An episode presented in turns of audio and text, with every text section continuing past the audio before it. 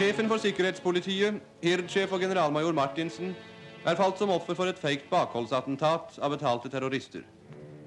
Begravelsen fant sted på Vestre gravlund i nærvær av framtredende norske og tyske personligheter. Etter at statspolitiets sjef Carl Martinsen ble skutt og drept av hjemmefrontens medlemmer, svarte statspolitiet med å henrette til sammen 29 motstandskjempere.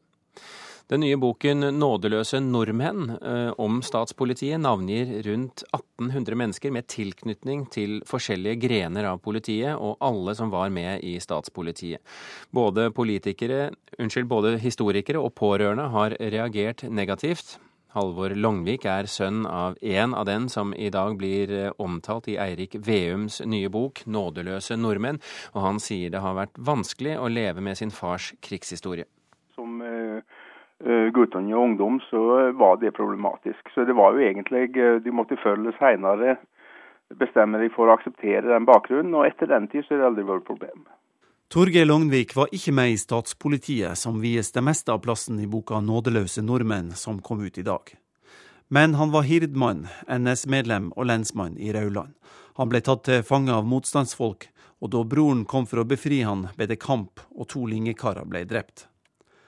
Faren og onkelen til Halvor Longvik ble etter krigen dømt for drapsforsøk og drap, selv om de hevda at de handla i nødverge. Altså, Det var jo da den ene hjemmefrontkaren som skjøt mot onkelen min, når han kommanderte de til å strekke opp hendene. Og da er det jo spørsmålet kaller du det nødverge da hvis du skyter tilbake? Reporter i den saken, det var Kjartan Røslett. Eh, Eirik eh, Veum, forfatter og journalist her i eh, NRK. Hvorfor mener du at fenomenet nordmenn i tjeneste for okkupasjonsmakten trenger mer oppmerksomhet nå? Fordi vi vet Altså om deler av dette miljøet så vet vi for lite. Når det gjelder statspolitiet, så er det skrevet noen kapitler hist og her i noen bøker. Det er ingen integrert del av vår krigshistorie. Jeg mener at det er viktig at den blir det. Fordi den forteller oss at uh, også helt vanlige nordmenn med ordinær bakgrunn fra vanlige familier kunne, når omstendighetene var gale nok, gjøre handlinger som for ettertiden fremstår som, som helt makabre og grusomme. Hvorfor er det nødvendig å navngi alle som frivillig meldte seg til statspolitiets tjeneste? Da snakker vi vel om 956 stykker, og, og ikke bare toppene? Skal man skrive om en en konkret politiavdeling som utfører såpass grove handlinger, altså vi snakker tortur og drap, som, som beskrives og dokumenteres her, så ville det vært helt uansvarlig å ikke være konkret på hvem som gjorde hva. Hvis man hadde anonymisert alle, så hadde det vært behagelig både for meg som hadde skrevet det, og ikke minst for, for, eh, for alle, alle som blir berørt.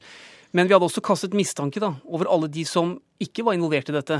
Som kanskje jobbet i politiet, eller som var involvert i statspolitiet noen uker eller måneder. Og som hadde fått en mistanke kastet over seg. De er kanskje gått bort.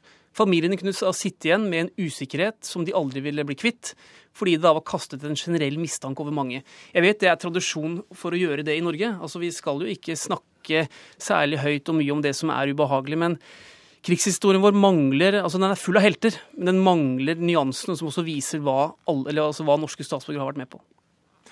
Ole Kristian Grimnes, eh, historieprofessor ved Universitetet i Oslo, en av våre mest kjente eksperter på okkupasjonstiden. Eh, hva syns du om listene som foreligger i denne boken? Jeg syns det som er, jo er helt greit, det er vel heller ikke kontroversielt, det er at eh, toppene i statspolitiet de må navngis.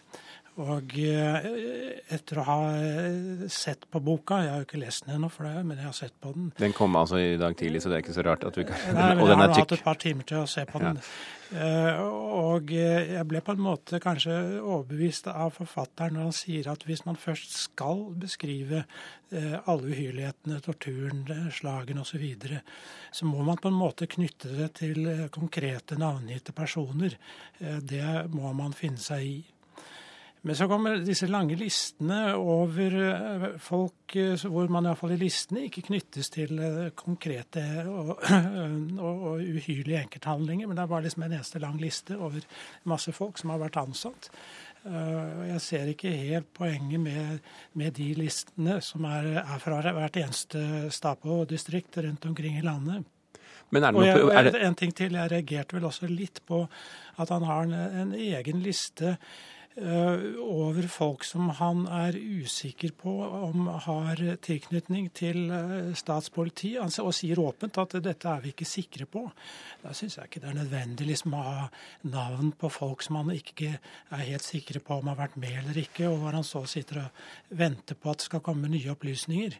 Eh, Så jeg vil differensiere litt av det her med hensyn til hva som eh, det er greit å navngi, og hva som, eh, som jeg syns er problematisk. Men dette argumentet om å navngi fordi at det kan Fordi det hindrer å kaste mistanke på feil personer, eh, er det et godt argument, syns du?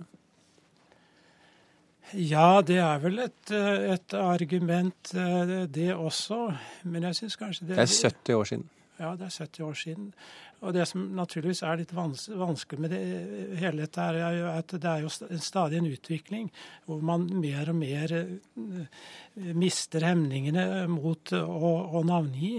Og det er også slik, og det er et paradoks, at for hver ny bok av denne typen, så vil det å navngi bli noe mer og mer normalt. Sånn at kanskje om 10-15 år så er det ingen som løfter et øyenbryn engang når det kommer ytterligere bøker. Hvorfor er det et problem? Nei, det, er ikke, et- det er ikke et problem. Jo, det er et problem i den forstand at iallfall jeg, som er en litt eldre garde, da, eh, føler at vi står litt eh, midtveis eller, i en utvikling som går i, eh, i, i en retning hvor vi på en måte ikke har kommet til sluttpunktet, og hvor det ennå det, I det midtpunktet hvor vi er, så det, det skaper jo vanskeligheter i familiene. Det sier jo forfatteren selv, og det er jo mange av oss som har erfart også, at eh, i familien annen og tredje generasjon så er dette det er belagt med skam. Og, og skam som kommer inn i familier, skaper eh, problemer. Uh, Eirik eh, Veum, hvorfor måtte du også navngi de som, eh, som du ikke var sikker på hadde vært med i stad på? Altså Den listen som Grimnes refererer til, det er altså en liste eller en oversikt over eh, 57 eh, personer som er dømt for landssvik. Som er dømt for eh, og til dels fikk grove straffer eh, i form av eh, tvangsarbeid pga. frontkjempertjeneste eller eh, vold, mishandling, som de har da utført i en eller annen funksjon. Men hvor usikkerheten da er konkret hvor denne funksjonen, altså hvor de jobbet. Men eh, de er da altså etterlyst etter krigen som statspolitibetjenter. Og derfor er, eh, er eh, bekreftelsen som mangler, er da i og for seg en underskrift på et, et papir hvor de, hvor de har skrevet under sin egen ansettelse, f.eks. Eh, hundrevis av personer som bare ble omtalt etter krigen som statspolitibetjenter, er selvfølgelig ikke med her. Eh, sånn kunne jeg ikke operert. Hensikten med å ha en sånn liste er nettopp at man på sikt Jeg har et ønske om å lage et standardverk over statspolitiet til det kommer noe bedre. Og for å da kunne gjøre det, så må jeg åpne for at eh, neste versjon må gjøres noen, noen endringer. Kanskje denne listen da skal bort, og halvparten inn i andre lister, halvparten skal ut. Eh, Men altså dette er, som disse usikre, er altså personer som er dømt for grovt landssvik. Eh, Grimnes, eh, dette at det er en NRK-journalist som nå ønsker å lage standardverket om statspolitiet. Som historiker, hva tenker du om det? Jo, det, syns jeg er greit, og dette er jo et Det er jo masse godt eh, kildearbeid som eh, gjøres her. Og det er selvfølgelig ikke bare akademiske historikere som kan drive med, med, med krigshistorien. Det man kan spørre seg om, og der har ikke jeg det sikre svaret ennå, men det er om eh, VM, fordi han er tilknyttet NRK og mediene, så får han mer oppmerksomhet enn andre som ja, ville ha skrevet eh, tilsvarende bok. Eh, Det er litt påfallende hvordan liksom fire avdelinger iallfall har kastet seg over meg i dag og, og, og vil ha uttalelse og slikt nå.